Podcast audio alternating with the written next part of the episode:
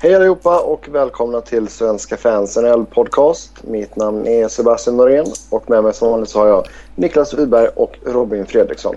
Eh, trevlig sommar på E2. Tack detsamma. Tack. Ja, vi hade till och med lite väder här.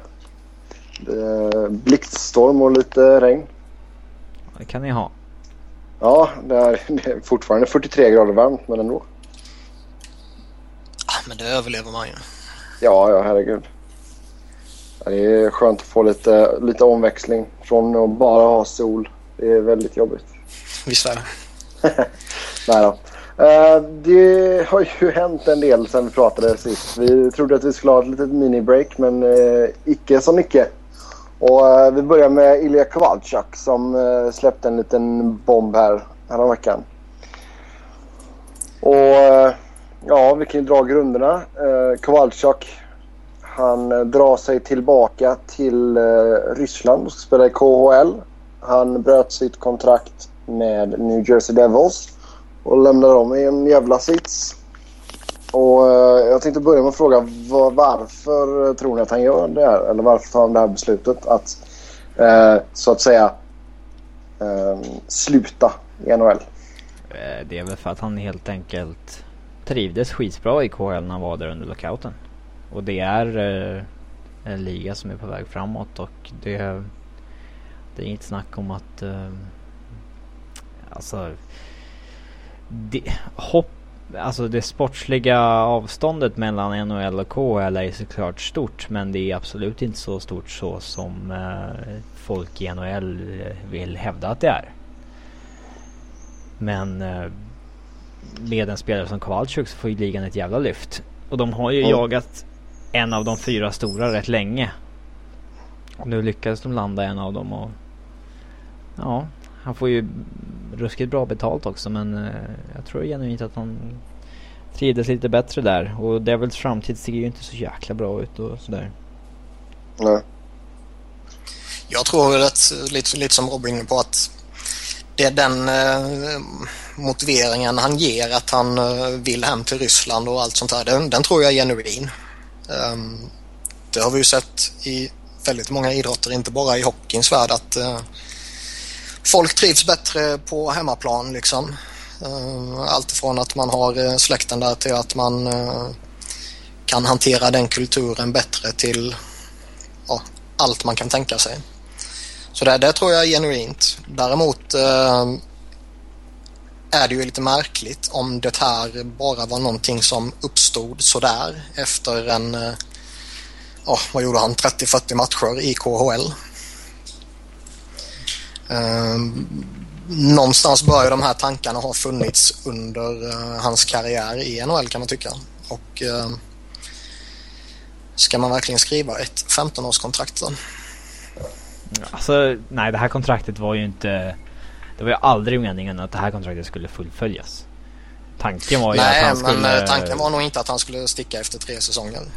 Nej, men det tror jag nog Devils, alltså på vissa plan tycker det är bra att han gjorde. Men alltså kontraktet är ju designat för att han ska kunna sticka till KL efter att hans stora lön har eh, slutat träda i kraft. Och eh, alltså man är ju ganska man är ganska naiv om man tror att Lou Lamorello, även kallad Loophole Lou, inte har sett vissa fördelar eh, med att det här kontraktet bryts i år och inte om två, tre eller fem år. Nej men det är klart det är en jättefördel för dem eh, att det bryts nu. Om man tittar ur en rent ekonomisk aspekt. Mm. Straffet de får mot lönetaket är en piss i nilen. Mm. Framförallt om man tittar framåt några år när i princip allting tyder på att taket kommer öka dessutom. Ja, alltså... Du betalar 250 000. Det är... ja, även om det kommer ja. pågå i... Hur många år pågår det 250 000? Det är, det är ganska många år va, men det är fortfarande ja. inte någonting som ja, påverkar. Däremot så, alltså hade han lagt av som 35-åring då hade de ju haft en cap hit på 3,7 miljoner för hans kontrakt i bra många år till. Och det är ju, det, det är ju tyngd och det är jobbigt att ha. Men eh, det är klart att det här sportsligt eh, skapar problem för Devils men jag tror verkligen inte att det här kom som en överraskning för dem. Då... eh, Alltså det var ju, säg så här, det var ingen slump att det offentliggjordes efter Free Agency hade haft sin, sin gång så att säga. Alltså det här att de hade kunnat locka bättre spelare om han hade stuckit före, det tror inte jag. Då hade inte någon velat gå till Devils. Nej. Nej, det är ju en jävla skillnad att säga till Michael Ryder eller eh, Ryan Clough eller vad man nu ska hitta på. Att ni får spela med Ilja Kovalchuk och Travis Sajak och Patrik Elias. Eller ni får spela med eh, Patrik Elias och Travis Sajak och eh, Ryan Carter. Ja. Och And- Andrei Loktionov. Jajamän. Jag har sett Nej, men så vissa... det är klart, eh, det här var ju ingenting som ett beslut och så som han bara sa över en natt liksom. Eh, utan det är väl säkert något som har bollats fram och tillbaka eh, under en längre tid och det, det säger de ju också. Så Devils var väl medvetna om att han på något sätt längtade hem. Men alltså 250 000 då i recapture här nu fram till år 2025. Det påverkar Alltså, ingenting. men, nej, men alltså samtidigt, det var ju som du sa där, alltså lägger han av som 35-åring är det 3,7. Mm. Eh, lägger han av... Bara nästa år, då hade det varit 700 000. Det hade ändå så här, det hade ändå märkts av. Det är ju en spelare. Ja. Ja, 700 000. Ja, exakt. Det är ju liksom en, en bottom six-spelare liksom. Mm. Men nu, det här märks ingenting och det... Och det alltså, jag har sett vissa som påstår att eh, Kovalchuk har planerat det här länge. Att han ska spela för stora pengar och sen sticka innan lönen går ner. Men fan, hans stora lön har ju inte kickat in än. Han har ju fan spelat för 6 miljoner dollar två säsonger i rad och... Han har varit underbetald. Ja, han har varit grovt underbetald. Faktiskt. Så det där...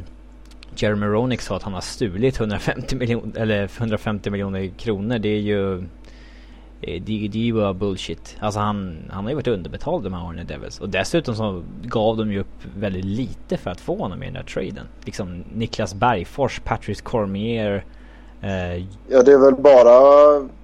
Vad var det mer? Var det Odo... Odoja var det. Odoja Odoja, ja, det första Men han, han var ju inte lika bra då som han är nu. nej. Nej, men alltså om man tittar på de spelarna som var med i den traden så är det väl bara Odoja som är liksom ordinarie eller vad man ska säga. Ja.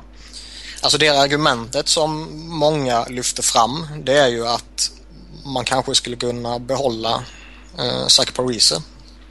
Det är ju inte Kovaciks fel. Nej, jag säger inte att det är så. Jag bara säger att, eh, och jag, jag tror väl ändå att han någonstans hade eh, bestämt sig för Minnesota liksom. Eh, Jag, jag tror inte det skulle blivit någon skillnad om han skulle fått ett liksom tioårskontrakt av Devils för 8 miljoner per säsong. Ehm, Men det är liksom, det verkar vara det som är det stora argumentet när man vill kritisera Kowalczuk. Att okej, liksom om du ska sticka efter tre år, varför skrev du ett 15-årskontrakt så att vi tappar en av våra bästa spelare?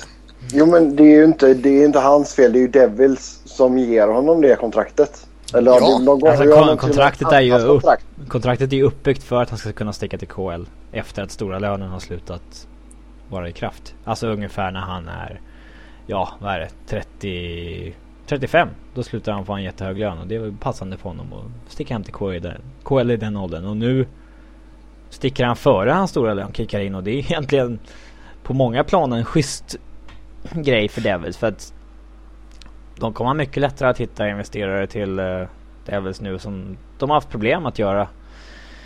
När det där kontraktet inte tynger ner klubben på samma sätt. Och ehm, alltså... Det där att han... Nej, jag tycker att... Alltså Kovacek har fått lite väl mycket skit i den här uh, soppan. Framförallt från am amerik amerikaner och kanadensare som påstår att han inte har liksom har en, att han inte är en competitor och sådär bara för att han inte spelar i NHL längre och Alltså, Nej, det är ju trams ju. Alltså skulle han inte ha haft ett, eh, någon form av eh, brinnande hjärta för NHL så skulle han ju inte gjort, ja vad gjorde han, sju säsonger i Atlanta. Ja, och så, alltså Vi har sett amerikaner som har gjort samma sak. Stuckit till en skitliga för att spela för bättre pengar. En skitliga som inte har någon Stanley Cup eller någonting. Det var ju när World Hockey Association ligan öppnade på 70-talet. Spelare som Gordie Howe och andra gick dit för att det var bättre betalt där. Men det fanns ingen Stanley Cup eller någon historia där. Och det är... Alltså... Det är väldigt, väldigt många spelare som skulle välja att sticka och spela i sin egen stad för mycket mera pengar. Och det är inte ja, det är så klart. konstigt. Nej, jag menar han tjänar... Alltså, det är klart att alla professionella idrottare... Liksom, det är klart att de brinner för det de gör men det är fortfarande också ett jobb. Mm. Och jag menar liksom, ska du få skit då ifall du byter från, ja, till exempel om du jobbar på, ja, vi säger att du jobbar på Volvo. Mm. Och så kommer, eh, ja, jag vet fan, ta ett bilmärke, eh, Citroën typ. De bara, ja, du får göra samma jobb. Eh, men du får bo, eh, you know, uh, säg att man är fransman då. Uh, och jobbar på Volvo. Det här blir jävla soppa här nu. Fransman jobbar på Volvo. Eh, systemutvecklare eller vad fan som helst. Du fixar med någonting. Citroën kommer, du ska göra samma jobb. Fast du får bo i din hemstad och du tjänar mer pengar på kortare tid. Mm. Alltså argumentet är väl att vissa tycker att han inte eh, liksom, Att han ger upp chansen att vinna en Stanley Cup. Och då och då eh, bryr man sig inte om hockey på samma sätt helt enkelt. Ja, men det är, ju, det är ju jävligt konstigt. För jag menar, det är ju inte så att han går till ett lag som är då... Alltså, det är ju inte så att han går till ett dåligt lag i KHL heller. Nej, och sen vad fan... Folk som har vuxit upp i Ryssland och kanske alltså haft mer fokus på ryska ligan under sin uppväxt har kanske en större dröm att vinna, vinna den än att vinna en NHL som har varit någonting liksom som finns ja. i Nordamerika som de har inte haft så mycket koll på. Jag tror inte de ryssarna som växer upp idag kommer tillåtas ha samma koll på NHL som det har varit tidigare. Nu när den stora fighten för att behålla de kommande ryska storstjärnorna i KL kommer börja. Ja, jag menar vi har ju redan sett att det är färre och färre ryssar i ligan. Absolut. Det är ju inte så menar, det, konstigt. Det är en trend som kommer fortsätta liksom. Det, det tror jag. Ja men det så är klart. Det, det märker man ju tydligt att de ryska influenserna har ju minskat jättemycket.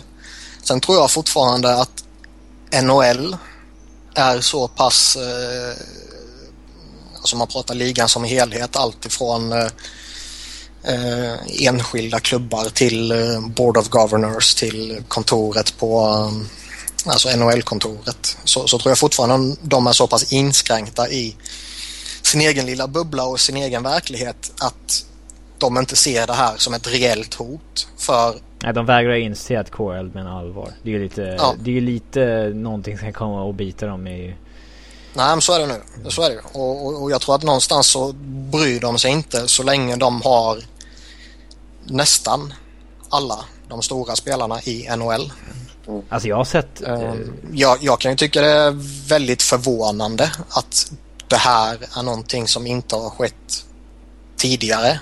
Och då menar jag inte Kowalczyk utan jag menar en, en jättestor ryss som flyttar hem och som ger upp inom citationstecken eh, på det här sättet. Alltså, jag har sett flera respekterade nordamerikanska hockeyjournalister som på allvar tror att AHL-lagen är bättre än KHL-lagen. Ja, det, det är ju ganska tragiskt. Ja, det, det, det säger en del om hur vad för tankar de har om KHL och det är kanske inte så sunt att ha den inställningen om, om de tror att de utan problem kommer vinna en maktkamp mot dem om de i framtiden men det, det får vi se. Det som om man ser liksom maktkampaspekten är väl att på något sätt så känns den amerikanska marknaden mer ekonomiskt stabil än vad den ryska gör. Ja, det är pengar under bordet. Och... Så det, det, det känns ju så någonstans som att möjligheten eller risken beroende på vilket bord man sitter vid eh, att KHL ska ekonomiskt kollapsa är ju betydligt större än att NHL ska kollapsa ekonomiskt. Absolut, absolut. Sen säger jag inte att jag tror det kommer ske, men... Men den stora striden kommer ju inte vara om Datsug om tre år eller sådär. Det är ju de blivande ryska superstjärnorna. Om de ja, kan hållas del... kvar i KHL. Ja, eller de unga på uppgång i NHL. Att man kan behålla jo, dem. jo, men sen det är väl också alltså... Det är väl inte bara Ryssland utan det är väl egentligen hela Östeuropa. Alltså vi snackar tjeckerna och... Alltså Sverige kommer ha ett KHL-lag snart. Det är liksom inte långt bort. Och det, det, kommer det finnas stora investerare bakom det så... Vi vet att det finns många hemkära svenskar. Och det, det kommer bli intressant att se. Ja, men alltså, hur, hur skulle det funka alltså, ur ett eh, businessperspektiv dock? För menar, om det är 13 procent Är det, det är ju 30, är det 13% inkomstskatt i Ryssland? Japp. Och i Sverige Ja. skulle det vara över 50 om du Och tjänar samma summor. Det, Ja, exakt. det, ja, det är det är såklart ett, ett problem.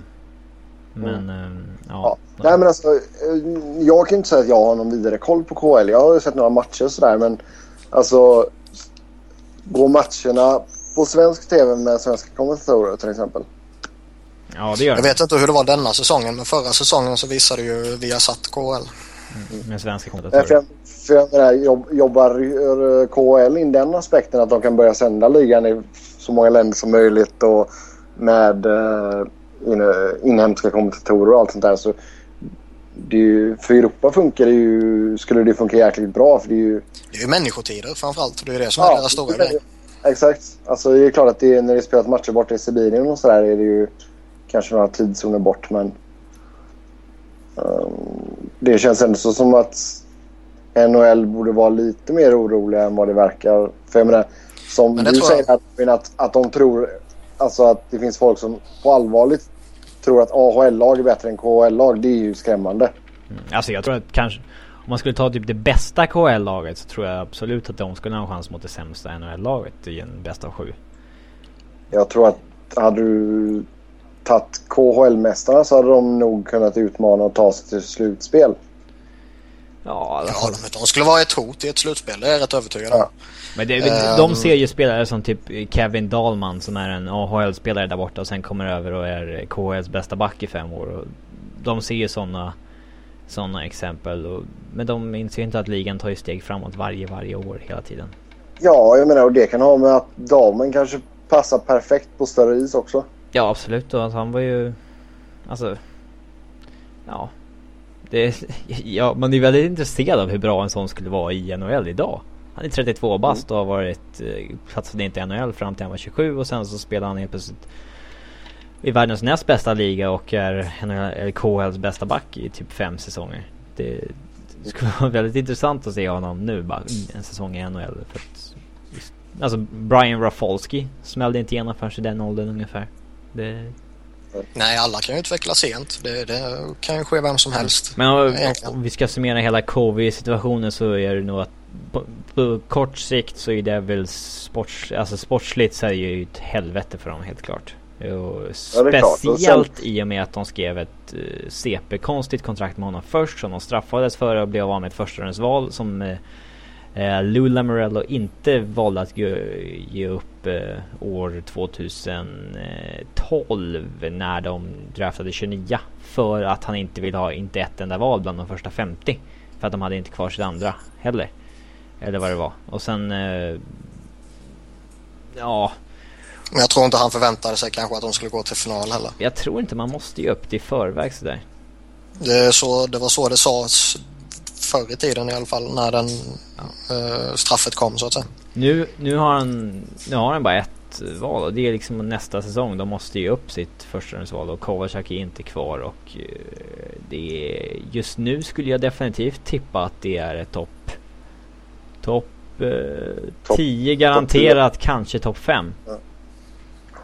Men hur funkar det alltså i och med att de ger upp det valet? Det står bara, Ehm. det tas ingen där. Om det då, om, om de har femte valet och det inte är någon där då går de från fyran sen till Ja. sexan helt enkelt. Ja. Men- ja, men då blir det att all, allting går upp en position bara. då. Nej, det saknas helt enkelt femma. Den som går femte kommer kallas för sjätte spelaren helt enkelt. Ja, okej, okej.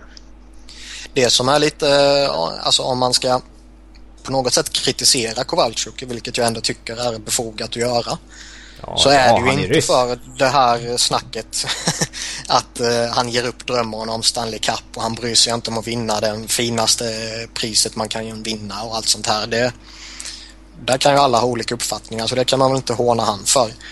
Däremot tycker jag det är rätt dåligt att med tanke på hur mycket New Jersey har investerat i honom och då pratar jag inte bara pengar utan de har ju byggt i princip allting kring honom. Han får spela två minuter vända powerplay. Han får agera i princip hur han vill på isen. Han får ta hur långa byten han vill. Han får göra vad han vill med pucken. Och Alltså, det var väl det har blivit i, hans lag på något sätt. det var mer så i Trashes än i Devils. Ja, han har ju blivit en bättre spelare i Devils. Ja, han är ju han är bra Ja, defensivt till och med. Ja, han är en jättebra spelare nu. Men det var fortfarande det att de gav honom allting. Inte bara pengar utan han fick allting förutom, ja, förutom C liksom som kapten. Um, och nu börjar man fundera tillbaka om det här att han redan då började prata om en eventuell um, flytt hem till Ryssland påverkade när de skulle utse en ny kapten. För all, det var ju jättemånga som blev förvånade när han inte blev kapten då. Ja. Nu, jag tror att han är kapten i nästa OS-lag. Det är det nog inget snack om. Det hade ju varit lite roligt för ryssarna gick och vann OS. Jaså? Nej, hoppas ja, Sverige ska vinna OS. ja, ja, men det är klart man hoppas Sverige. Nej, men alltså just det här med att han får skit för att han inte brinner för hockeyn och liksom allt sånt där. Mm. Och han går in och gör ett kalas-OS och liksom bara, här har ni. Ja, men som sagt, jag, jag tror fortfarande NHL, de, de lever i sin egen bubbla och så länge det bara, alltså inom citationstecken då, är eh, ryssar eller någon eh, annan östeuropé som flyttar hem och det inte är jättemånga så tror jag man kommer eh, rycka på axlarna och säga att ja men vi får ju ändå deras bästa spelare liksom som är på uppgång. Mm. Um, däremot skulle det vara väldigt, väldigt intressant om säg en svensk eller en finländare skulle bestämma sig för att nej nu skiter jag i det här, nu ska jag sticka till KHL. Sådana som är på gränsen, alltså typ till eh, till att vara en första line-spelare och skulle bli en superstjärna i KL. Det är... Alltså, typ, typ Alexander Sten eller någon. Han skulle kunna vara en av KLs bästa centrar. Fast han, han tror jag är fortfarande är lite för profillös för att det ska ge någon uh, jätteeffekt hos NHL. Um, ehm, men lek med tanken att om eh, två år beställer sig eh, Datsjuk för att nej, nu, nu ska jag hem till Ryssland. Han har ett år kvar på kontraktet och sticker. Mm. Eh, och tar med sig Z. Ja. ja. Z känns som en... Z känns som en person som trivas i Ryssland. Nej men alltså le lek med tanken på att något sånt skulle hända. Då är frågan om eh, NHL verkligen skulle reagera. För skulle man ha en önskan att alltså, ge sig in i ett krig i den här frågan mm. så skulle det ju kunna bli riktigt uh, allvarligt. Uh, Stora... Dels om New Jersey ville slåss för att behålla honom så att säga. Men det gjorde de ju inte. Det är ju intressant. Nej, nej. Devils och, hade, om de verkligen en... inte ville att Kovacek skulle försvinna hade de ju kunnat... Uh, vad heter det där när man ja. De hade kunnat förbjuda honom att spela någonstans under ett helt år till exempel. Och det... Jag, jag är väl tveksam till om KL hade accepterat det men eh, då hade de nog skitit i det där avtalet. Det, det tror jag. Ja. Men eh, Devils försökte ändå inte göra det. Som Islanders försökte med Luba Wisnowski och vann. Nej men det är det. Och, och jag menar jag, jag, tror fortfarande att skulle Devils gått till NHL och sagt att vi måste bestrida det här vi måste ta kampen för detta. Vi vill behålla honom till all, alla, liksom, allt pris. Mm. det skulle nog kunna göra förhållandet mellan NHL och KHL ruggigt infekterat. Mm, den stora pengamatchen mellan KHL och KHL hade börjat. Då jäklar. Mm. Ja, jag tror inte bara det skulle varit en pengar utan jag tror det skulle varit framförallt en, en väldigt stor prestigefråga där uh, man liksom skulle ha haft herren på täppan, NHL, mot uppstickaren KHL. Eh, där båda två har väldigt starka muskler. Eh, både kompetensmässigt och ekonomiskt. Liksom. På, ett sätt hoppas, eh, på ett sätt hoppas en del av mig att liksom KHL kan sticka kniven i NHL på något sätt. För att liksom NHL vägrar inse att de ändå är ett hot på något sätt. Men en stor del av mig tycker ändå att det är ganska tråkigt att Kovacek försvinner och man vill ju ändå ha de bästa spelarna i NHL och att det inte ska bli så att det blir en liten mindre liga som har fyra, fem av de bästa i världen. Det hade varit lite tråkigt. Nej men så är det man, Givetvis man har de bästa spelarna i NHL men är det någon som ska sticka så ser jag ju gärna att det är en konkurrent till Philadelphia som försvagas än att det är typ Giroux. Ja, Calgary. Ja. Trodde man... Som, Ja, som, som- som, så tror jag alla fans känner. Jo. jo, men sen det är klart att det, alltså, det, det var självklart att Devils-fansen är besvikna och det var någon som var riktigt förbannad och brände lite tröjor och grejer såg jag också. Ehm, det är klart att de kände sig svikna men eh, Jag, jag undrar förresten om... Alltså, Ronick lackade ju på att eh, Kovacek är självisk för att han sticker när han har tid kvar på kontraktet och... Han lackar på Ja, allt. men eh, lackade han lika hårt när Tim Thomas stack med ett år kvar på kontraktet? Det vet jag Jag inte. minns inte, men det gjorde han säkert. Han hade säkert någonting att säga om det det också. är så easy target bara för att han är en eh, ryss som sticker till Ryssland. Men sen samtidigt, det, det är en väldig skillnad på att säga med ett år kvar att nah, eller Ja, säga men han var ju ändå med... deras eh, första keeper och alltså... Ja, ja, men ja, jag bara säger det är en väldig skillnad på att lämna ett ettårskontrakt eller lämna ett eh, med 12 år kvar. Mm. Ja men Ronick verkar lite konstig alltså. Det, Nej, men det är han ju. Sen samtidigt så är det ju det som har gett honom hans karriär. ja. Mm. Kommer- Det känns ju som vi kan ha en eh, ny Mike Milbury ifall han skulle råka hamna i någon topposition i något Seattle-lag eller någonting. Någon som har ett par väldigt eh, skumma grejer på sitt CV efter ett par år som GM i ligan. Fast jag tror, jag tror inte att han skulle ge ett eh, tioårskontrakt till Alexej Yashin. Sen är väl JR är väl en sån här eh, av dem som jag nämnde lite tidigare som fortfarande kanske lever kvar i lite av det gamla. Eh, även om jag tror att han har anpassat sig till den här verkligheten om man säger så på ett betydligt bättre sätt än vad eh, generationen över honom har gjort.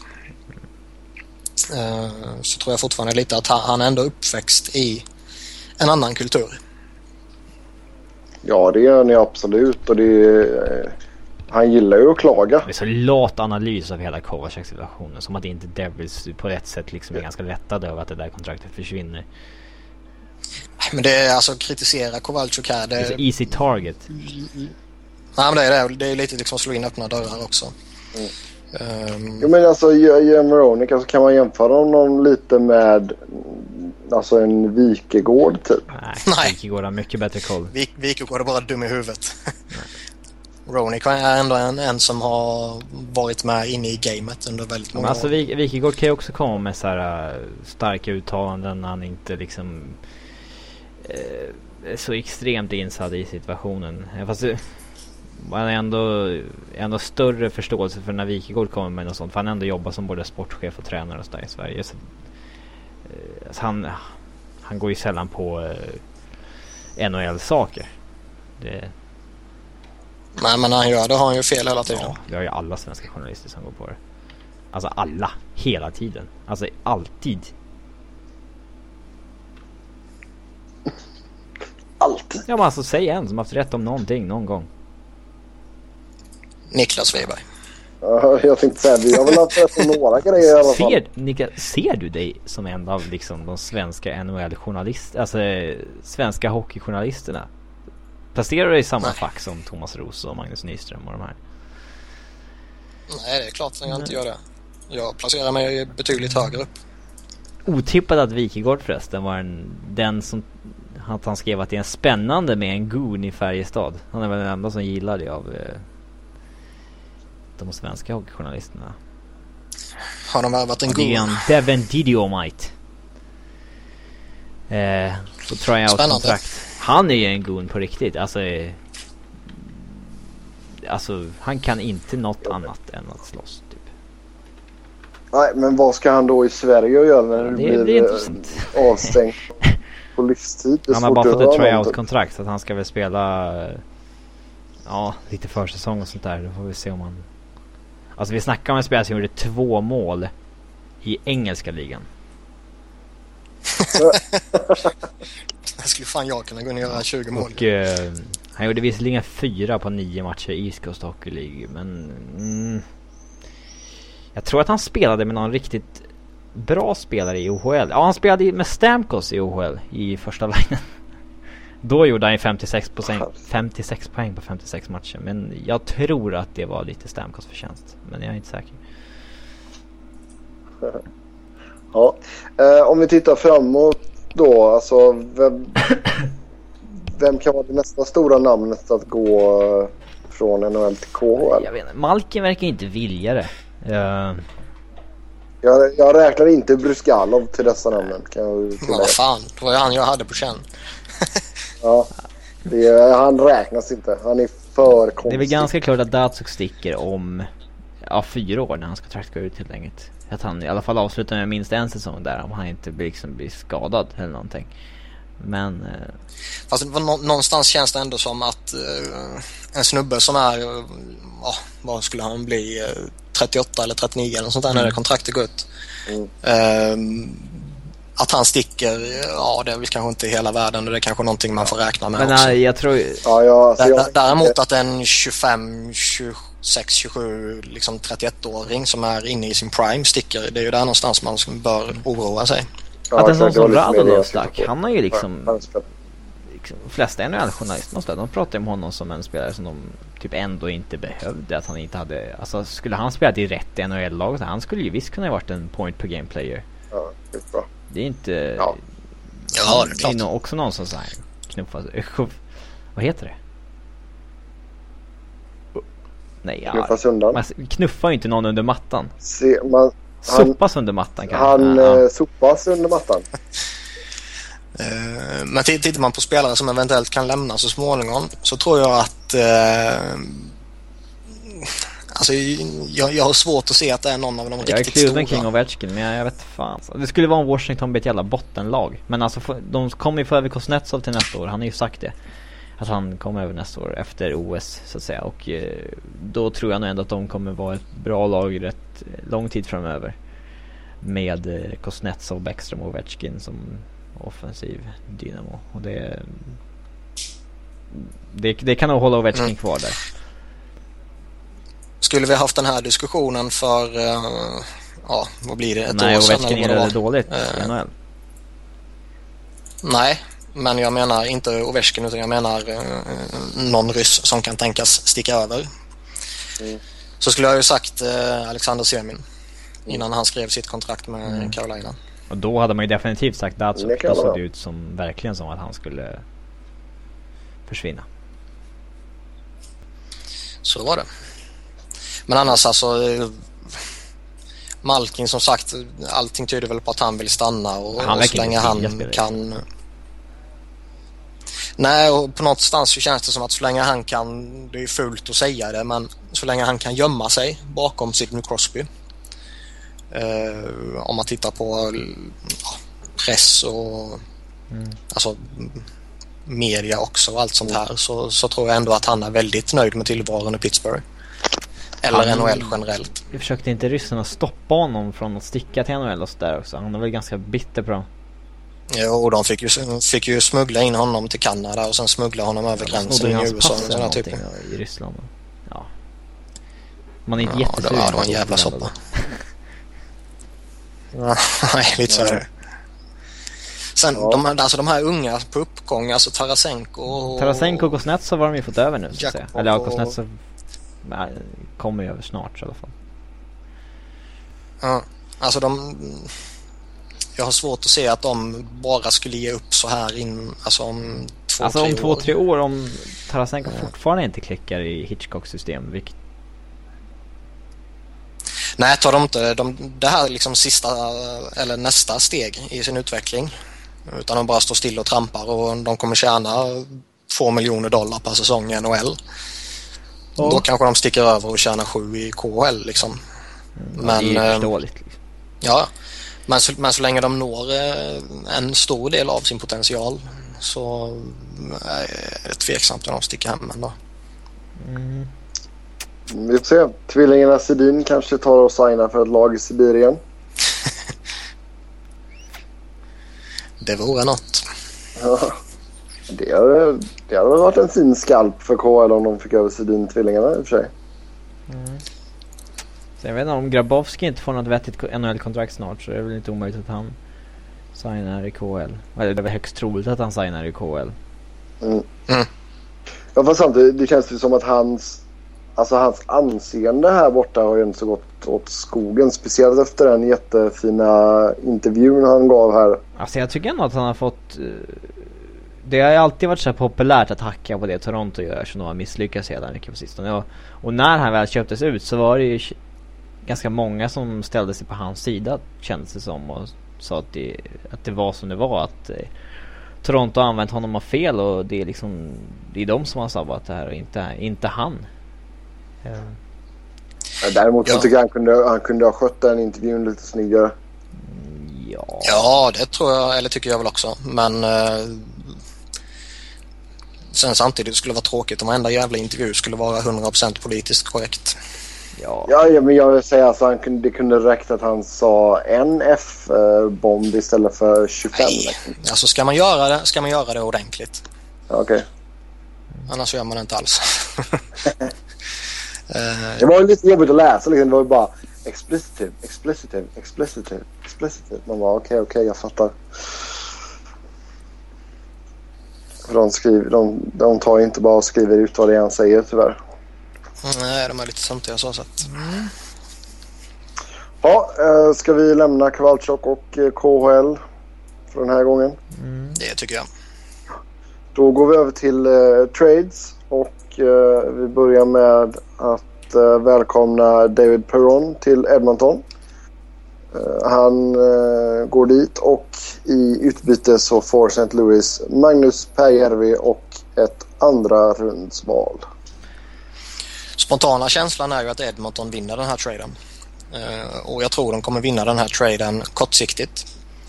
Eh, jag är väl ingen jättestor supporter av Magnus Pääjärvi och jag tror att någonstans har man har man inte fått alla möjligheter i princip. Han har inte fått Att- det riktigt.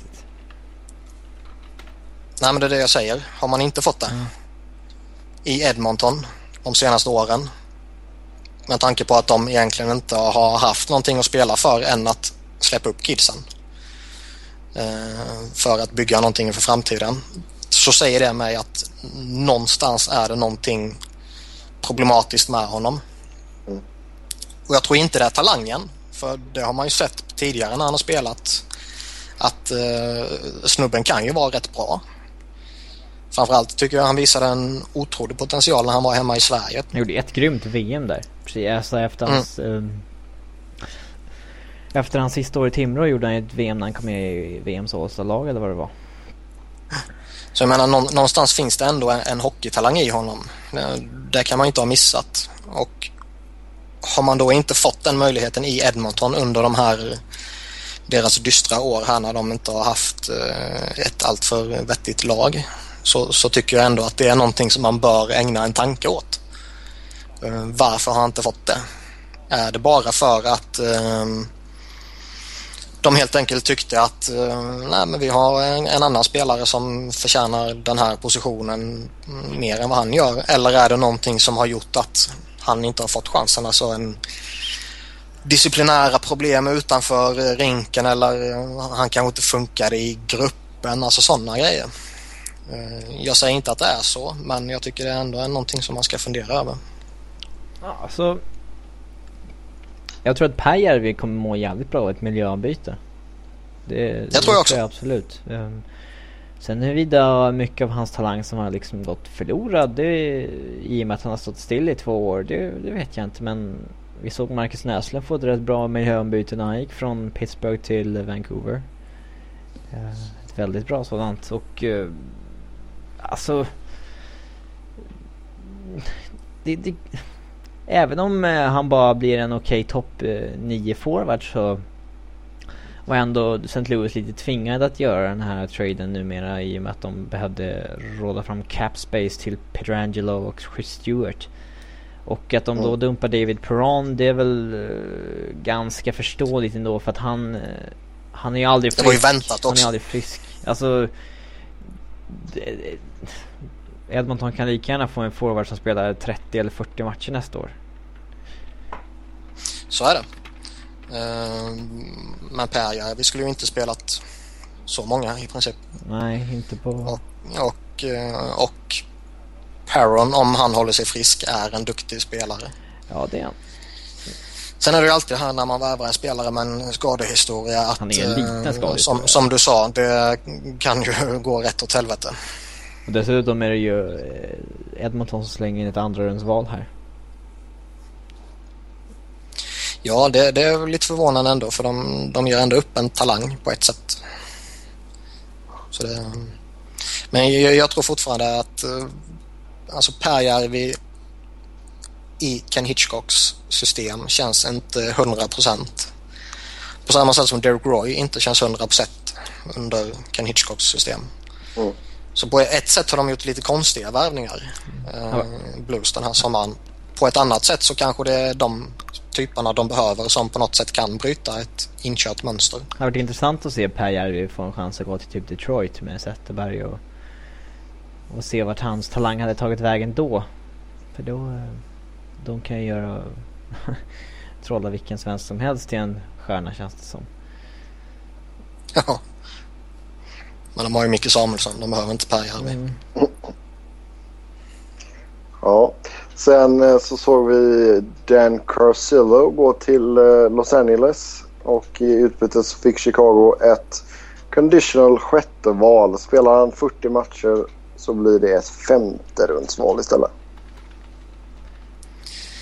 Det, ja, först och främst ska, ska jag säga att jag gillar Dan Carcillo. Um, om man kan kontrollera honom. Um, när han fick spela tillsammans med Blair Betts och Ian LaPerriere i Flyers fjärde kedja så var det en grym fjärde kedja för några år sedan. För de två hade förmågan att liksom hålla koll på honom både på och utanför isen. Ehm, de kunde lugna ner honom och de kunde liksom täcka upp för honom när han går på sina galna upptåg eh, för att sätta en tackling eller något sånt här. Ehm, sen mot slutet i Philadelphia så börjar man tappa den kontrollen på honom. Uh, och det känns väl lite som i Chicago har han väl inte egentligen haft någon jätte uh, fyllt någon jättefunktion. Han spelade ju knappt i, i slutspelet så de bryr sig nog inte allt för mycket att tappa honom. Men de vill ju dumpa honom. Ja, och för LA om, om han kan hitta en schysst roll i en fjärde kedja hos dem så är det väl en, en vettig vänsterforward för en hyggligt billig penning. Däremot det som det pratas om allra mest i Philadelphia-campet nu det är ju att uh, han återförenas med Jeff Carter och Mike Richards som tillsammans med typ Geoffrey Lupol och Scotty Upsall var uh, det här supergänget i Philadelphia som man bröt upp och skickade Mm. till alla dem till olika ställen. Eh, Jag säger inte att de här tre kommer kröka sönder det i Los Angeles på något sätt men man undrar ju med tanke på vilka connections det ändå finns mellan Philadelphia och LA idag. Eh, Med tanke på att eh, eh, ja, hela ledningen i Philadelphia och hela ledningen i LA känner ju varandra och har varit på olika ställen liksom.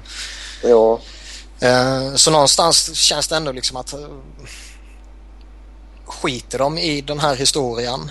Eh, Ser de det inte som ett problem eller är det så att det inte alls har uppmärksammats i LA? Vilket det redan när de här två eh, kom dit eh, var rätt tydligt om att det kommer inte märkas i LA på samma sätt som det gör i Philadelphia. nej alltså det, är- de har ju säkert pratat med dem. Men de är några år äldre och sådär och förhoppningsvis har de väl mognat lite. Ja, det tror jag nog de har. Och jag menar, som sagt, alltså- jag, jag säger inte att de kommer kröka sönder det mm, varenda dag. Men Alltså eh, vad, vad de gör på alltså, off-season det skiter jag fullständigt i alltså. problemet var att det var inte bara off-season. Det var ju under säsong. Men eh, vi får väl hoppas att eh, flickvänner och fruar och sådär har lite pli på dem nu. Mm, Jeff Carter är ju duktig på det där. Så eh, vi kan väl också nämna att Ron Hextall har väl gått tillbaka till Flyers också va? Jo, Som, är det assisterande GM han blir nu? korrekt. Det, den känns kan jag säga. Ja, han är väl en av de här som eh, när något lag har sparkat en GM eller en GM har slutat på eget bevåg så är väl han en av de här som har eh, hela tiden nämnts att eh, han är en av ja, framtidens GMs liksom. Mm. Och det är lite roligt att han lämnade ju Philadelphia för LA för att uh, satsa på att bli GM. Och nu kommer han tillbaka. Uh, det har ju fortfarande inte kommit ut någonting om det är Paul Holmgren som ligger bakom det här att man liksom tar in honom eller om det är högre upp i hierarkin som det redan nu planeras för uh, en potentiell ersättare till Paul Holmgren. Mm. Och jag tror inte att Homer kommer få kicken Eh, Eh, alltså om ett halvår. Om det nu inte är så att Philadelphia går in och förlorar de 15 första matcherna. Men eh, någonstans känns det ändå vettigt. Alltså man vet inte hur, hur ser läget ut om två, tre år. Kanske Holmgren är eh, intresserad av att ta en annan position inom organisationen, alltså någonstans högre upp i hierarkin. Och, eh, vi vet att Philadelphia är väldigt glada i att eh, göra förändringar när det går dåligt. Nej, det var inte det jag menar. Det är de också i och för sig. Men att de är glada i att eh, ta in tidigare Philadelphia-spelare och ledare tillbaka till organisationen. Ja. Går vi tillbaka till LA då så alltså Carcillo han är ju hyfsat låg capita 825 000 och det är ju sånt som behövs fyllas ut nu liksom. Man har 11 forwards i A-truppen under kontrakt. Um, Kyle Clifford, Trevor Lewis och Jordan Nolan är fortfarande restricted alla tre. Och, alltså jag, jag gillar den här traden. Jag tror han kommer fylla en funktion i LA. Um, ehm, som sagt, bara, bara man kan kontrollera honom. Mm. Um, och då menar jag både från båset med coach och assisterande coacher till kedjekamraterna. Då, för när man gör det, då är han grymt effektiv. För nu har han ju lärt sig också att han inte bara kan åka runt och bråka och slåss och jävlas hela tiden utan han, han är en effektiv spelare när han väl lägger fokus på rätt saker. Yes. Eh, sen så då lämnar vi tradesen där och så går vi in på kontrakten. Jag tänkte då kan vi börja där. En spelare som lämnar LA är ju Dustin Penner. Som eh, tog bussen över till Anaheim och skrev på ett ettårskontrakt där. Ja, och någonstans känns det väl ändå som att det är eh, rätt eh, passande. Eh, inte bara att han kommer tillbaka till Anaheim men att någonstans känns det som att Anaheim behöver lite mer fysik och de behöver lite mer storlek. De behöver lite mer eh, någon som trots allt kan göra mål bakom de här stora namnen. Eh, sen är det väl som vanligt när man pratar Anaheim att eh, behovet av en andra center finns fortfarande. Mm. Och det är ju någonting som Penner uppenbarligen liksom inte fyller. Två miljoner för Penner är en OK capita och dessutom bara får det bara ett år. Det är ju... De har ingenting att förlora. Nej, det är en bra deal. Nej, alltså det är en så... Vad är de tre... Är det... Vänta nu. Han skrev, han skrev ett ettårskontrakt inför förra säsongen. Jag kommer inte ihåg vad hade han för... Så jag menar, det är alltså två kontrakt på raken här som är ett års. Han är väl bara 30. Ja, det sista ettårskontraktet han fick med Kings det var ju bara för att han hade ett okej slutspel och han fick en chans till på sig typ. Och det var ju på 3,25 mille. Nu går han ner på 2 mille. Någonstans känns det väl också lite som att uh, det är ju tufft givetvis att, att slänga skit på honom med tanke på eh, pannkaksincidenterna och allt det här liksom. Men någonstans tror jag ändå att eh, han kanske kommer få leva med att få skriva ett eller två års kontrakt under de kommande åren. Just för att det finns en osäkerhet kring hans eh, fysiska status helt enkelt och motivation och allt sånt där. Ja. Men när han väl är når sin toppnivå så är han ju en mycket effektiv spelare. Ja, det verkar vara en helt underbar människa. Om ni inte följer honom på Twitter allihopa så rekommenderar jag att göra det. Uh, lite surt dock att han, det just blev Anaheim, men han ville ju... Det var ju ganska klart att han ville stanna i Kalifornien om han kunde liksom. Mm. Så, så är det med det. Nästa kontrakt på vår uh, ganska långa lista idag är Tukarask. Uh, Bostons finländske stjärnmålvakt, får man kalla honom nu. Eh, ett åttaårskontrakt med en capita på 7 miljoner. En av ligans topp tre bästa målvakter men uh, jag tycker inte att det är ett bra drag av Boston. Motivera. Det är aldrig bra med sådana långa kontrakt på målvakter. Alltså, det är inte det helt enkelt. Och uh, sju mille dessutom, det... Jag kunde väl nästan köpa det i Quicks fall när capiten bara var på 5,8. Men alltså en capita på 7 mille över Fast det, det, är fortfarande, det, man kan inte jämföra kontrakt. Jag har ju försökt lära dig det nu. Man kan inte ja, jämföra alltså kontrakt det, som har skrivits under olika ja, absolut. epoker. Det går inte. Ja, absolut. Men det är mer okej okay att ha ett 10-årskontrakt på målvakt om man har, har en capita på 5,8. Men... Ja, det är klart. Men du kan fortfarande inte jämföra tidigare kontrakt med nuvarande kontrakt. Ja, men, alltså...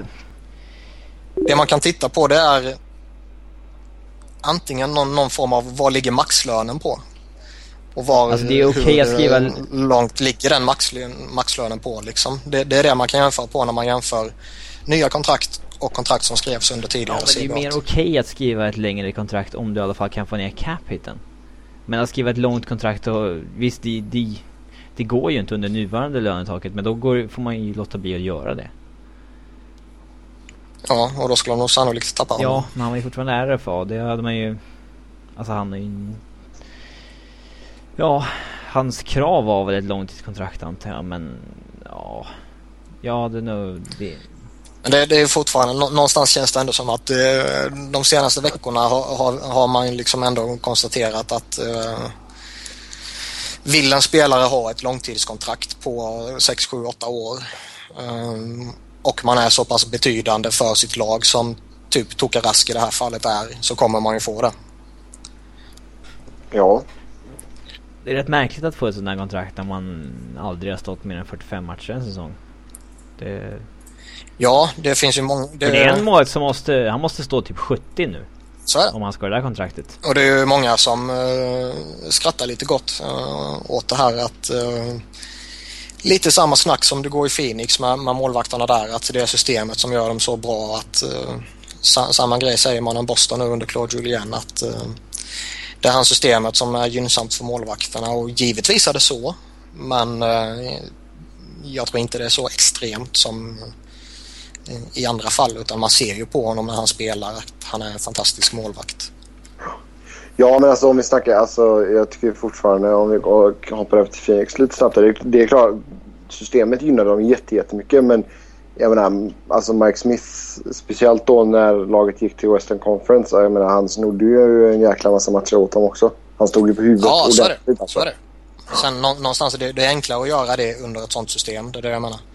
Uh, och det samma grej kan man föra rätt tunga argument för att det, det finns i Boston också. Eh, man fick, man fick en medioker Tim Thomas till att vinna Betsina eh, och Conn Smythe och Stanley Cup och hela skiten och nu har man fått Stoka Raskt i princip samma eh, nivå. Så det, sen är det, jag håller med dig Robin säger det, så här långa kontrakt på en målvakt, det är väl alltid suspekt. För det kanske är så otroligt mycket. Framförallt en målvakt som aldrig har stått en hel säsong. Alltså en riktig säsong. Sen är han ju bara 26 år. Eh, så det är inte så att han kommer vara lastgammal mot slutet av det här kontraktet. Eh, det går ju eh, rätt många oroande New York Rangers-supportrar nu kan jag tycka. Med tanke på vad Henrik Lundqvist kan få och han, om man tittar på ett, vad Tokarask fick här, bör ju få ett liknande kontrakt om man jämför rakt av. Ja, han borde väl få nästan mer betalt. Ja, kanske till och med. Ja, han är ju, han är ju UFA. Och eh, visserligen kommer man ju inte kunna kräva samma längd. Alltså, Nej, han kan ju kräva det men alltså då... Eh, ja, då får han nog kapa lite capit på det. Ja. Eh, Boston signade även Patrice Bergeron och han fick också åtta år fast hans capita hamnar på 6,5. Ja, det är en spelare som jag är mer villig att signa på åtta år än Tukarask trots Bergerons skadehistorik. För att en, en spelare som blir, alltså en utespelare som blir skadad kan ju alltid alltså, komma undan på något sätt. Ungefär som Philadelphia med Chris Pronger. Men eh, har man en målvakt som blir, eh, som tar upp en jättestor capita och helt plötsligt blir skitdålig eller någonting. Då, då har du problem. Um, Bergeron är nog... Eh, han skulle haft Selke i år enligt mig. Eh, slam dunk nästan. Och... Eh, ja, alltså... En av ligans absolut bästa spelare tycker jag. Ja, framförallt bästa tvåvägsspelare och det är fullt rimligt med åtta år på 6,5 miljoner med det nuvarande, det nuvarande eh, CBA. För er lyssnare som inte vet vad en slam dunk är så är det från basket. Mm. Ja, alltså Niklas. Eh, Boston är ju en av eh, Philadelphias, vad ska man säga, ska man säga bittrare rivaler. Ja, för fan. Ja. Hur, hur ser du på ett sånt här kontrakt? Alltså det, det räcker ju att titta på vad han presterar för Boston när, när de är i slutspel. Eh, tittar man på hans prestationer i grundserien, förutom att han är givetvis en skicklig tvåvägscenter som Robban var inne på, så det är ändå en snubbe som, eh, om man tittar på de senaste åren, som bäst har nått 22 baljor och som bäst har gjort eh, 64 poäng. Eh, så det är ju ingen sån här topproducerande spelare på det sättet. Han har inte gått in och, och legat i topp i en poängliga och sådana grejer. Så ur den aspekten så känns det ändå som att eh, den här cap-hitten är rätt rimlig.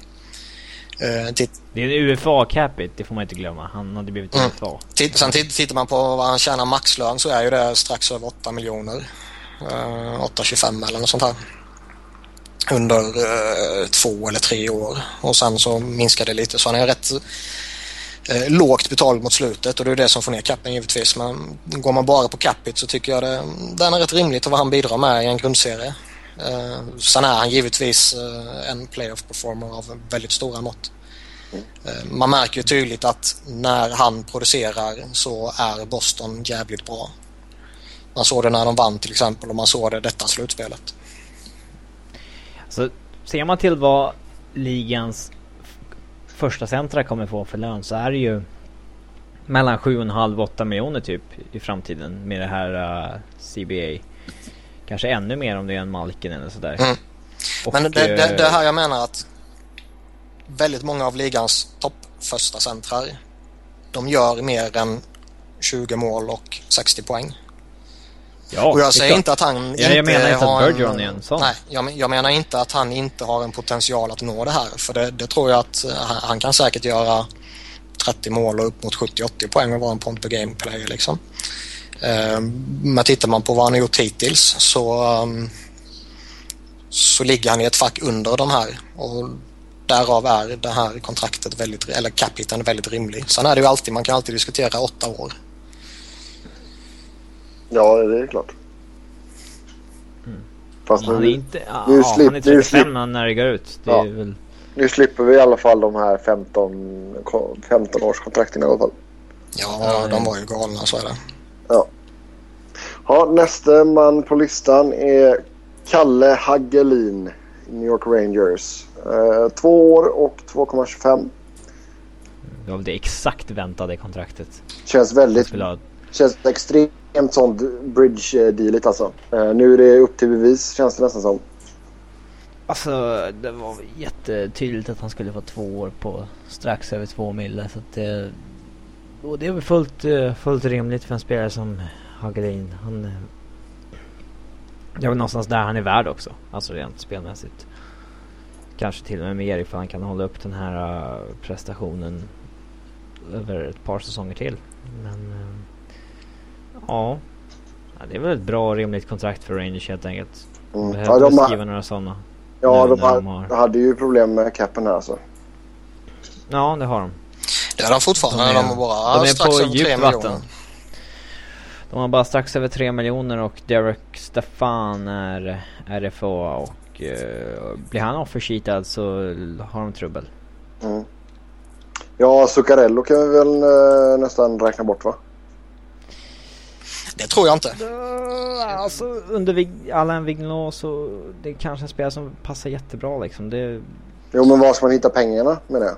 Men de hade ändå... Ja men han signade väl för en miljon typ. De satte ju Aaron Asham på på waivers utan att de tog honom så liksom det, det, finns nog lite folk som de, om det skulle finnas ett väldigt stort behov av det, kan släppa iväg.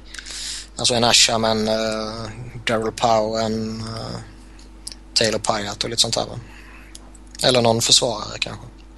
Men jäklar vad många kontrakt de måste skriva nu. Alltså nästa, nästa år så har de ju bara en handfull spelare under kontrakt. Ja, Ingen av målvakterna, två backarna, fyra forwards har under kontrakt. Är, är det många som, in, in, som är, ligger i läge för en pay race också? Ja då. Det... Alltså en sån som Henke Lundqvist kommer kanske inte få extremt mycket mer än vad hans, han har nu. Han har ju 6,8 nu så han, han kanske får, han lär ju ligga där runt omkring i en capita. Men det känns ju som en sån som Dan Girardi kan mycket väl få mer än vad han har nu. Nu har han 3,3. Han skulle upp på någon Coburn siffra 4,5. Ja, där runt omkring och Del Soto om, om han gör en bra säsong kan mycket väl få mer än 2,5 som han har nu. Och, uh, alltså Brian Boyle kan mycket väl öka med en, en miljon kanske om han gör en bra säsong. Och Derek Brassard om han fortsätter göra sån dundersuccé som i, typ i slutspelet här så kan jag väl tänka mig att han ska ha lite mer än 3,2 också. Callahan kommer få mer bara för att han blir UFA. Mm. Det är ingen spelare man vill tappa till free agency-marknaden. Nej, verkligen inte. Så det, det känns nog rätt oundvikligt att det kommer bli väldigt tunga rykten om en buyout av Brad Richards nästa sommar igen. Ja. Ja, det kan han, blir, han blir ju köpt oavsett hur bra han spelar nästa säsong, känns det som. Ja, det, alltså tittar man på hur kappsituationen ser ut så känns det som att det, det ska nog mycket till för att de i alla fall inte ska överväga det väldigt, väldigt, väldigt, väldigt mycket. Mm. Ja, för där skulle du ändå få loss 6,6 eh, miljoner liksom. Så är det. Eller nästan 6,7. Ja, eh, kul för Hagelin i alla fall. En spelare som jag gillar väldigt mycket. Eh, en spelare som går till KHL då är Alexander Burmistrov från eh, Winnipeg. Så han har kritat på ett tvåårskontrakt med AK Bar, Bars, Bars Kazan. Det säger man bara Bars, jag vet inte. Mm, det sägs att han och tränaren i Winnipeg har hatat varandra en längre tid och eh, inte kommit överens helt enkelt. Och därför sticker han till KHL och jag tror det kan vara ganska nyttigt för honom. Han har kört fast i NHL och Eh, många var inne på att eh, Atlanta hetsade in honom i ligan för tidigt. Och det kan nog mycket väl stämma. Så att... Uh, ja. Jag håller med. Jag tycker också det är ett bra steg för hans karriär. han behöver hamna i en klubb som han får spela i en, under en coach som tror på honom och får spela i en korrekt roll helt enkelt. jag är lite förvånad över att han faktiskt inte tradades någonstans. Uh, för även om det är lite sunkiga rykten kring honom så um, har han KL-faktorn. Ja, man har ändå potential. Jag menar, skulle man kunna få honom till att, uh, alltså säga att Winnipeg och du vet Washington börjar prata. Liksom alla ryssar kopplas ju samman med, med Washington så fort det är någon, någon som vill bort från sitt befintliga lag bara för att Ovechkin är där liksom. Um, Mm. Sen kanske det fördes jättemånga diskussioner med alla 29 lagen i ligan. Det vet man ju inte heller. Men det har inte varit så jättemånga rykten kring honom och då brukar alltid sippra ut rätt mycket om det är så. Mm. Han är ju tydligen från Kazan också. Mm. Så... Men alltså ska man gå tillbaka till lite det Kowalczyk-snacket vi hade i början så är ju det här en sån spelare som jag tror med alla de här faktorerna som NHL egentligen skiter fullkomligt i om han sticker tillbaka eller? Ja, Alltså även om det är en up and coming och han kanske om två, tre år är en jätteduktig spelare så är han ändå, han har ett rykte och det sipprat ut lite att han inte kommit överens med eh, ledarstab och allt sånt här så, så i, i det stora hela så kommer ligan um, ja, rycka på axlarna liksom. Mm. Yes. Um, nästa kontrakt då. Erik Gustafsson, Philadelphia. Ett år, en miljon. Ja, jag tycker det är ett fullt rimligt kontrakt för honom. Um, han visade mot slutet av säsongen här att um, han stod väl för ett litet genombrott och visade att han um, är en spelare som kan ta en ordinarie roll. Uh, sen fick han då fick han ju ta en roll som var en uh, ja, topp tre-roll egentligen. Och det ska han ju inte ha givetvis. Men däremot så har han visat att han utan problem kan bära ett, uh, ja, ett tredje par. Typ Gustafsson Grossman Japp. Ja, det, det var kul att se att det är många svenskar som får nya kontrakt här. En annan svensk som fick nytt kontrakt var Mikael Backlund. Eh, två år, 1,5 miljoner. Eh, det känns som att vi fortfarande väntar lite på hans genombrott. Alltså jag vet inte om han är tillräckligt bra för att få något genombrott i NHL. Det... Men nu när Carola, äh, eh, Calgary är skitdåliga så kanske han får en väldigt stor roll där. De har ju framförallt inga centrar så det, det, borde han ju få. Mm. Men å andra sidan kommer de ju vara skitdåliga också Få spöa typ varje match. Så att det kan ju gå lite hur som helst. Jag hade, jag hade ändå väldigt stora förhoppningar på honom.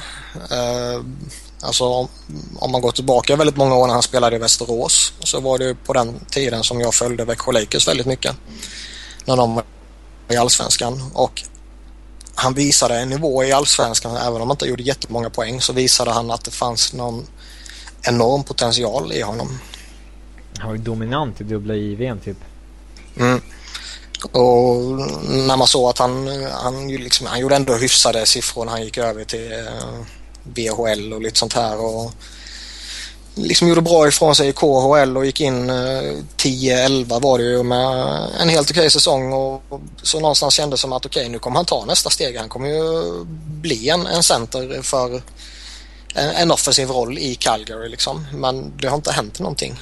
Nästan Pääjärvi-grej att han gjorde en bra första säsong och sen så har det stannat av i två år nu. Ja, bröt inte han handen andra säsongen? Jag vet inte. Han spelade inte många matcher i alla fall. Men... Nej, jag för mig att han bröt hand, handleden eller någonting. Ja, jag minns det. Där han haft någon sån här skada som gjorde att ja. liksom, utvecklingen säkert stannade upp lite. Men det var rätt länge sedan så man tycker att den borde ha tagit fart igen. Mm. mm. Och det är lite tråkigt för jag hade som sagt jag hade rätt stora förhoppningar på honom. Men eh, man ska väl inte räkna bort honom eh, redan. Eh, alltså snubben är inte jättegammal. Han är 23, 24 något sånt där. Men eh, lite som Robin sa. kan man verkligen få ett supergenombrott i Calgary? Ja, det är i sant. Ja, sen har eh, Pittsburgh Penguins skrivit ett kontrakt med Matt Diagostini som landade 550 000 bara. Mm, de kommer ju jaga billiga depth players och där tycker jag att uh, Matt Diagostino passar in jäkligt bra. Uh, han hade ju en jättebra säsong i St. Louis.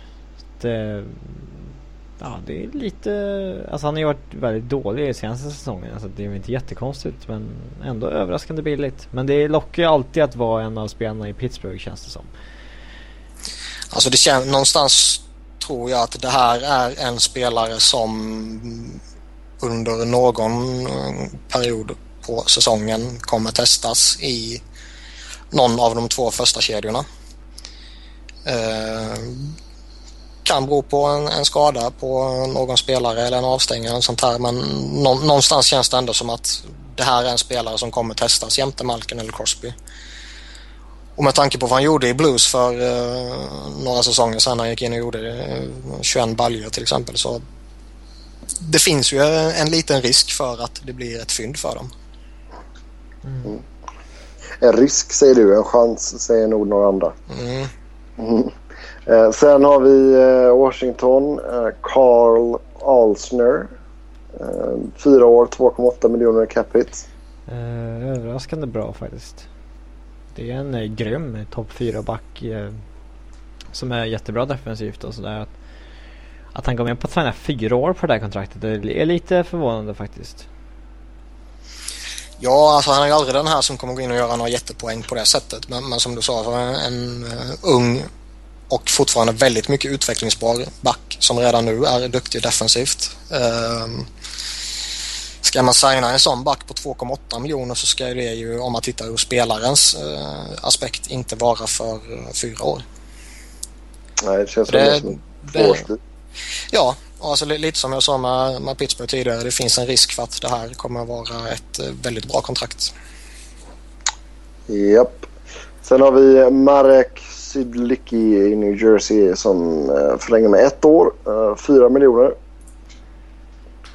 Och eh, håller han måttet fortfarande? Men det tycker jag. Um, han är ju inte lika duktig som han var om man går tillbaka några år. Men det är fortfarande en spelare som uh, framförallt fyller en väldigt stor funktion i powerplay och som framförallt kommer göra det nu när Kowalczyk försvinner. Ehm, uh, Zidlyski kan styra ett spel från blålinjen. Uh, han hamnade ju lite i skymundan nu mm, liksom när Kowalczyk fick den friheten som han fick i powerplay och alltså vilken tränare som helst skulle väljat eh, Kowalczyk och inte Sydlyski förtroendet att liksom bossa över ett powerplay. Men eh, han har visat att han har den förmågan så jag tror han kommer bli väldigt viktig för New Jersey. För tittar man på deras backbesättning så har de väl inte några jättesuperspelare som kan leda ett powerplay. Yes, det är bara att hålla med. Sen eh, LA då, så Jake Massin fick ett eh, nytt tvåårskontrakt eh, värt en mille och eh, det är lite upp till bevis där för honom också. Lär ju få en del speltid ifall eh, Mitchell fortfarande är skadad och sådär. Så eh, jag tycker ändå att Massin var ganska, ganska bra förra säsongen. Um, men eh, det känns ju fortfarande som att finns andra backar i LA som går före.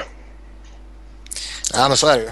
Och, och, någonstans känns det som att skriva ett kontrakt på en miljon för en back som ändå har visat att uh, han kan gå in och spela. Det, det är en bra deal. Ja, speciellt med tanke på vilken cap-situation man har också. Och sen så signar man ju även Alec Martinez, vilket förvånar mig lite faktiskt. Jag trodde han skulle ryka faktiskt. Eh, två år, 1,1 mille. Och eh, det, det är ju bra pris för honom liksom. Och det är, det är en ja, kille som kan, som kan föra puck och, sådär. Så det, är, det är ju trevligt. Han kan chippa in med lite mål här och där också. Så det, ja. det, det tycker jag han, eh, alltså, som, ja, samma argument som på Mutsin. Alltså i, kring miljonen för en spelare som har visat att uh, han kan spela alltså, mer eller mindre ordinarie så att säga och uh, faktiskt bidra med någonting samtidigt som han spelar. Det, ja, man kan inte klaga på det. Ja, jag, jag gillar båda Sen, två de där alltså. Det... Ja. Men jag vet en spelare som du gillar mer än båda de två tillsammans. Man skulle kunna säga att det är en av Robins man crushes. Marcus Kryger. Marcus Kryger. Två nya år i Chicago för eh, eh ska vi säga, capita på 1,325. Ja, det är väl... Eh, Men nu glömde du frågan jag hade skrivit ju.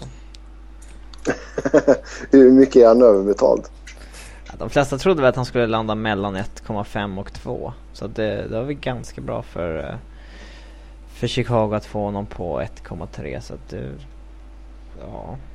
Det, det ska bli intressant att följa nästa år eftersom det de var tvungna att dumpa en massa spelare där och han väntade sig få en större offensiv roll vilket han i Sverige absolut eh, behärskade väl men om han klarar av att göra det i NHL på sikt, det, det ska bli intressant att se.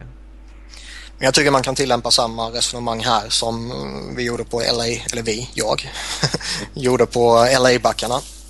Uh, eh, alltså få ett sånt här kontrakt, alltså 1,3 miljoner, även om de har en, en cap-situation som är lite tight så är 1,3 miljoner det är alltid hanterbart. Och kunna skriva en spelare eller ett sånt kontrakt med en spelare som har visat sig vara så pass betydelsefull som han ändå var. Mm. Och troligtvis fortfarande är och kommer vara. Det, det är ett bra kontrakt. Det är rätt intressant att han är deras sjätte bäst betalda forward. Med det här. Det är det är rätt, rätt konstigt. Det är rätt absurt. Ja, ja då är ändå Chicago en av ligans bästa offensiv. Mm. Så spelar på 1,3 deras sjätte bäst betalda forward. De investerar ju oerhört du... mycket pengar i, i, i bara en handfull spelare där, inklusive Bickle nu då. Men... Um... Ja. Sen är det ju skam och skandal att uh, han tjänar mer än Mikael Hansus. mm. ja. Ja. ja, vi går över till Minnesota då. Ett ettårskontrakt har man skrivit med Jonathan Bloom. Uh, värt 650 000 dollar. Ja, det är ingen... Uh, lite förvånad att det inte blev en större kamp om honom. Det verkar inte vara som någon som ville ha honom. Och det är ändå en... Uh, back som gick i första rundan som inte har lyckats ta ett steg i Nashville. Det är ganska många som inte liksom passar in där. Så att det... Men jag, jag, tror ändå att när, när man som back eh, inte... Ja, men det är en rå offensiv back typ. Jo, jag vet. Men, men även om man som back inte blir en NHL-spelare om man säger så i Nashville så tror jag ändå att uh, flera folk funderar över det. Jag säger inte att man bör göra det.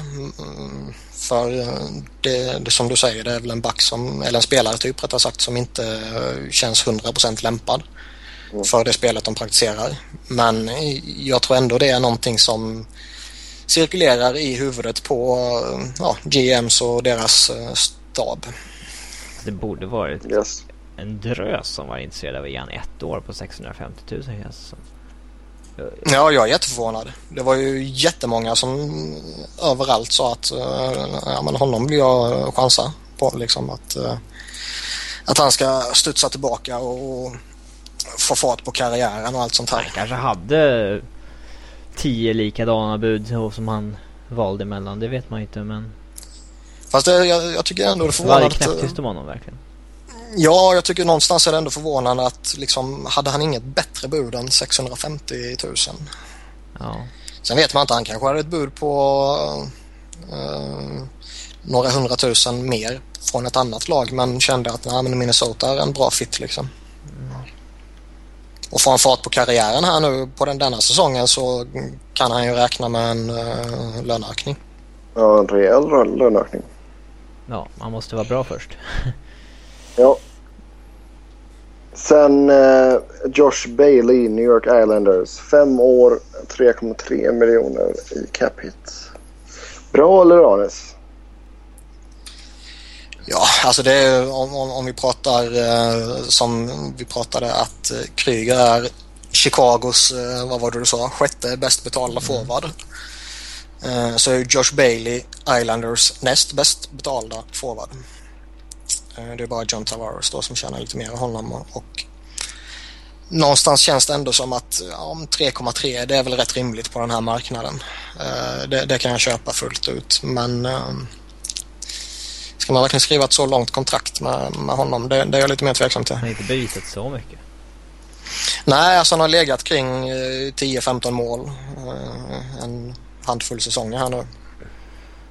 Och Givetvis 11 mål på 38 matcher den här säsongen är ju bra facit och jag tror fortfarande han har lite mer att, ge också. Han är bara 23 år så det, det, det är väl liksom ingen, eh, ingen värdelös kontrakt med tanke på att capiten är så pass förhållandevis eh, låg.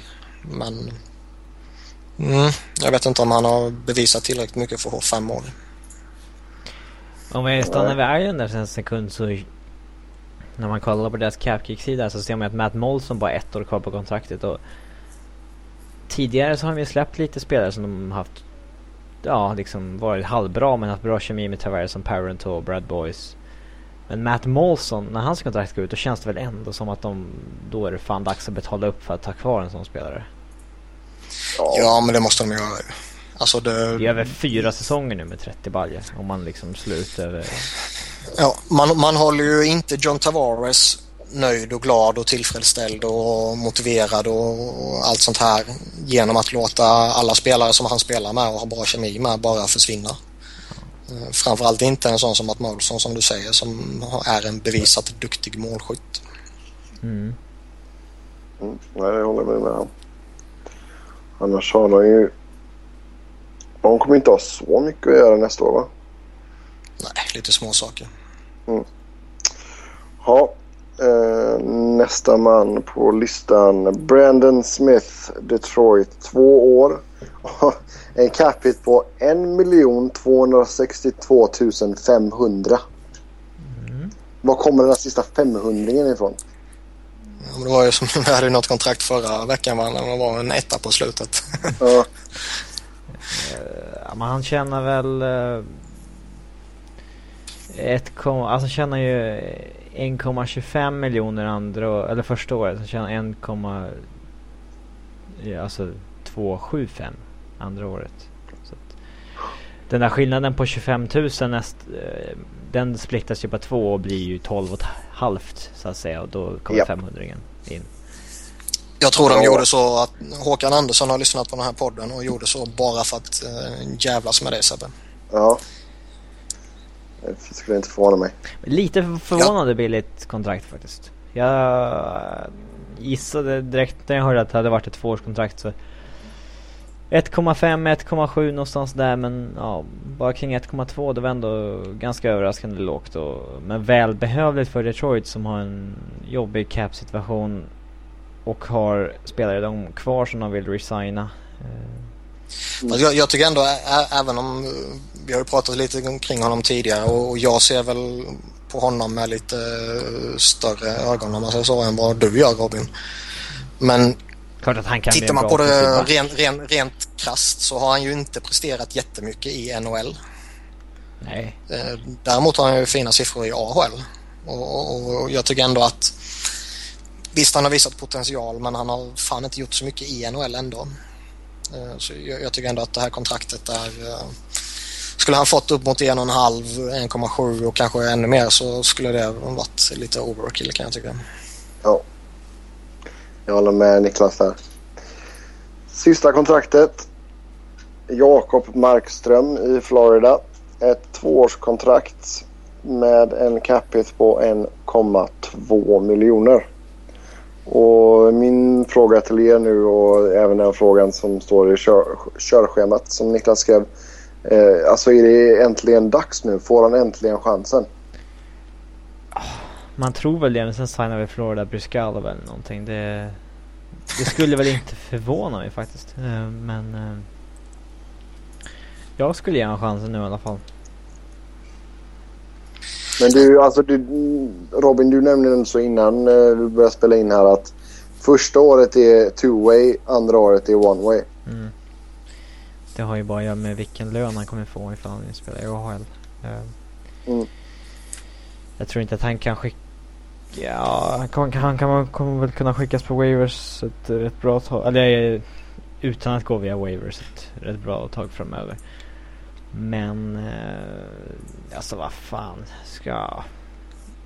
Clemmensen kan inte äta 40 matcher. De får, de får fan köra på Markström nu. Skärp er. Alltså någonstans känns det som att eh, är de redo att släppa fram Jonathan Hubbard som de gjorde och de är redo nu vad, vad mycket tyder på att släppa fram Alexander Barkov. Mm. Eh, de har inte haft några problem att släppa fram eh, ja, vad ska man ta, Eric Goodbranson eller eh, Kulikov eller eh, lite andra kids så här va? så tycker man det är lite märkligt att de inte går samma väg med Markström. Eh, Framförallt han är bättre han... än deras andra målvakter. Ja, alltså han, han har ju ändå visat under en längre tid på lite olika nivåer. Allt från eh, eh här hemma i elitserien till eh, eh lite JVM och sådana grejer. Att det är liksom ändå en, en bra spelare och han har ju inte gjort bort sig när, när han har fått spela i NHL tycker jag. Eh, så jag kan väl tycka att han... Uh, vi pratade lite innan vi började spela in här att eh, jag tycker väl inte att han ska få chansen för man ska aldrig få chansen utan man ska bevisa att man förtjänar chansen. Eh, och, och någonstans känns det väl som att det är dags för honom nu att att visa att eh, ja, men jag ska vara första målvakten här och jag, jag ska spela ja, 55 matcher eller vad man kan hitta på. Sen tror jag de har en bra eh, liksom Scott Clemmensen. Han duger till att vara en andra målvakt i ett lag som Florida. Men det, det är som Robin sa också, jag skulle inte heller bli förvånad om de uh, skulle signa någon annan. Antingen kanske skriva nytt med Theodore eller ta in någon, någon annan veteran. Sen så går det i och för sig rätt tunga spekulationer i att uh, Scott Clemmensen är tillgänglig för en trade. Ja, men jag vet fan alltså, ja. Florida kanske tar in Thomas, jag vet inte. Eller... Alltså Thomas och Markström, det hade ändå varit så fair för att då hade Markström fått 30-40 matcher. Typ. Det... Nej men så är det. Det är som jag säger, det är, det är konstigt att ha en målvakt på bänken eller i, som det också varit i vissa fall nere i uh, farmarligan som är bättre än de två målvakterna som är i NHL. Mm. Eh, um, och med tanke på att man ändå har varit rätt duktig på att slussa in uh, andra unga spelare så ja, det är väl dags för Markström nu. Japp, jag håller med. Det är verkligen dags. Då var kontraktdelen eh, över här. Eh, jag tänkte vi ska väl nämna att eh, Scott Niedermayer, Chris Chelios och eh, Brennan Shanahan blev invalda i Hall of Fame som spelare och Fred Chero som builder. Vill ni nämna något av de här männen? Nej, alltså spelarna var väl rätt givet. Mm. Um, det var ju toppspelare under sin epok. Så alla tre är väl på, på något sätt väldigt stora legendarer inom NHL. Så jag tycker det är... Det skulle vara skamligt om någon av de två inte kom in eh, det här, eller förlåt, tre inte kom in det här året. Eh, Fred Shearer har ju varit eh, nobbad i 23 år eller något sånt där. Du det ju den legendariska tränaren för Broad Street Bullies. Och det är ju det som har gjort att han inte valts in tidigare. Att det var just för Philadelphia på 70-talet.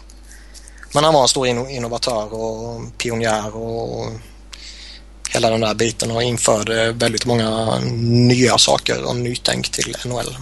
Så det var lite skoj. Mm. Ja, då är vi klara för den här gången. Som vanligt så vill ni köta hockey med oss så går det jättebra att göra det på Twitter. Mig hittar ni på att Noren, Niklas på att Niklas Wiberg, Niklas Musee och enkel V och Robin på R underscore Fredriksson. Sen har jag ett litet lästips till allihopa. Eh, om ni vill läsa om eh, Blake Joffrin så finns det en jäkligt bra story på ISPN.com eh, skriven av John Buckygross. Så eh, vill ni ha lite sommarläsning där så gå in och läs den. Tills nästa gång, ha det jättebra och eh, vi hoppas att ni får sol och bad och eh, allt sånt där. Kul när det är sommar. Ha det gött, hej! Hej!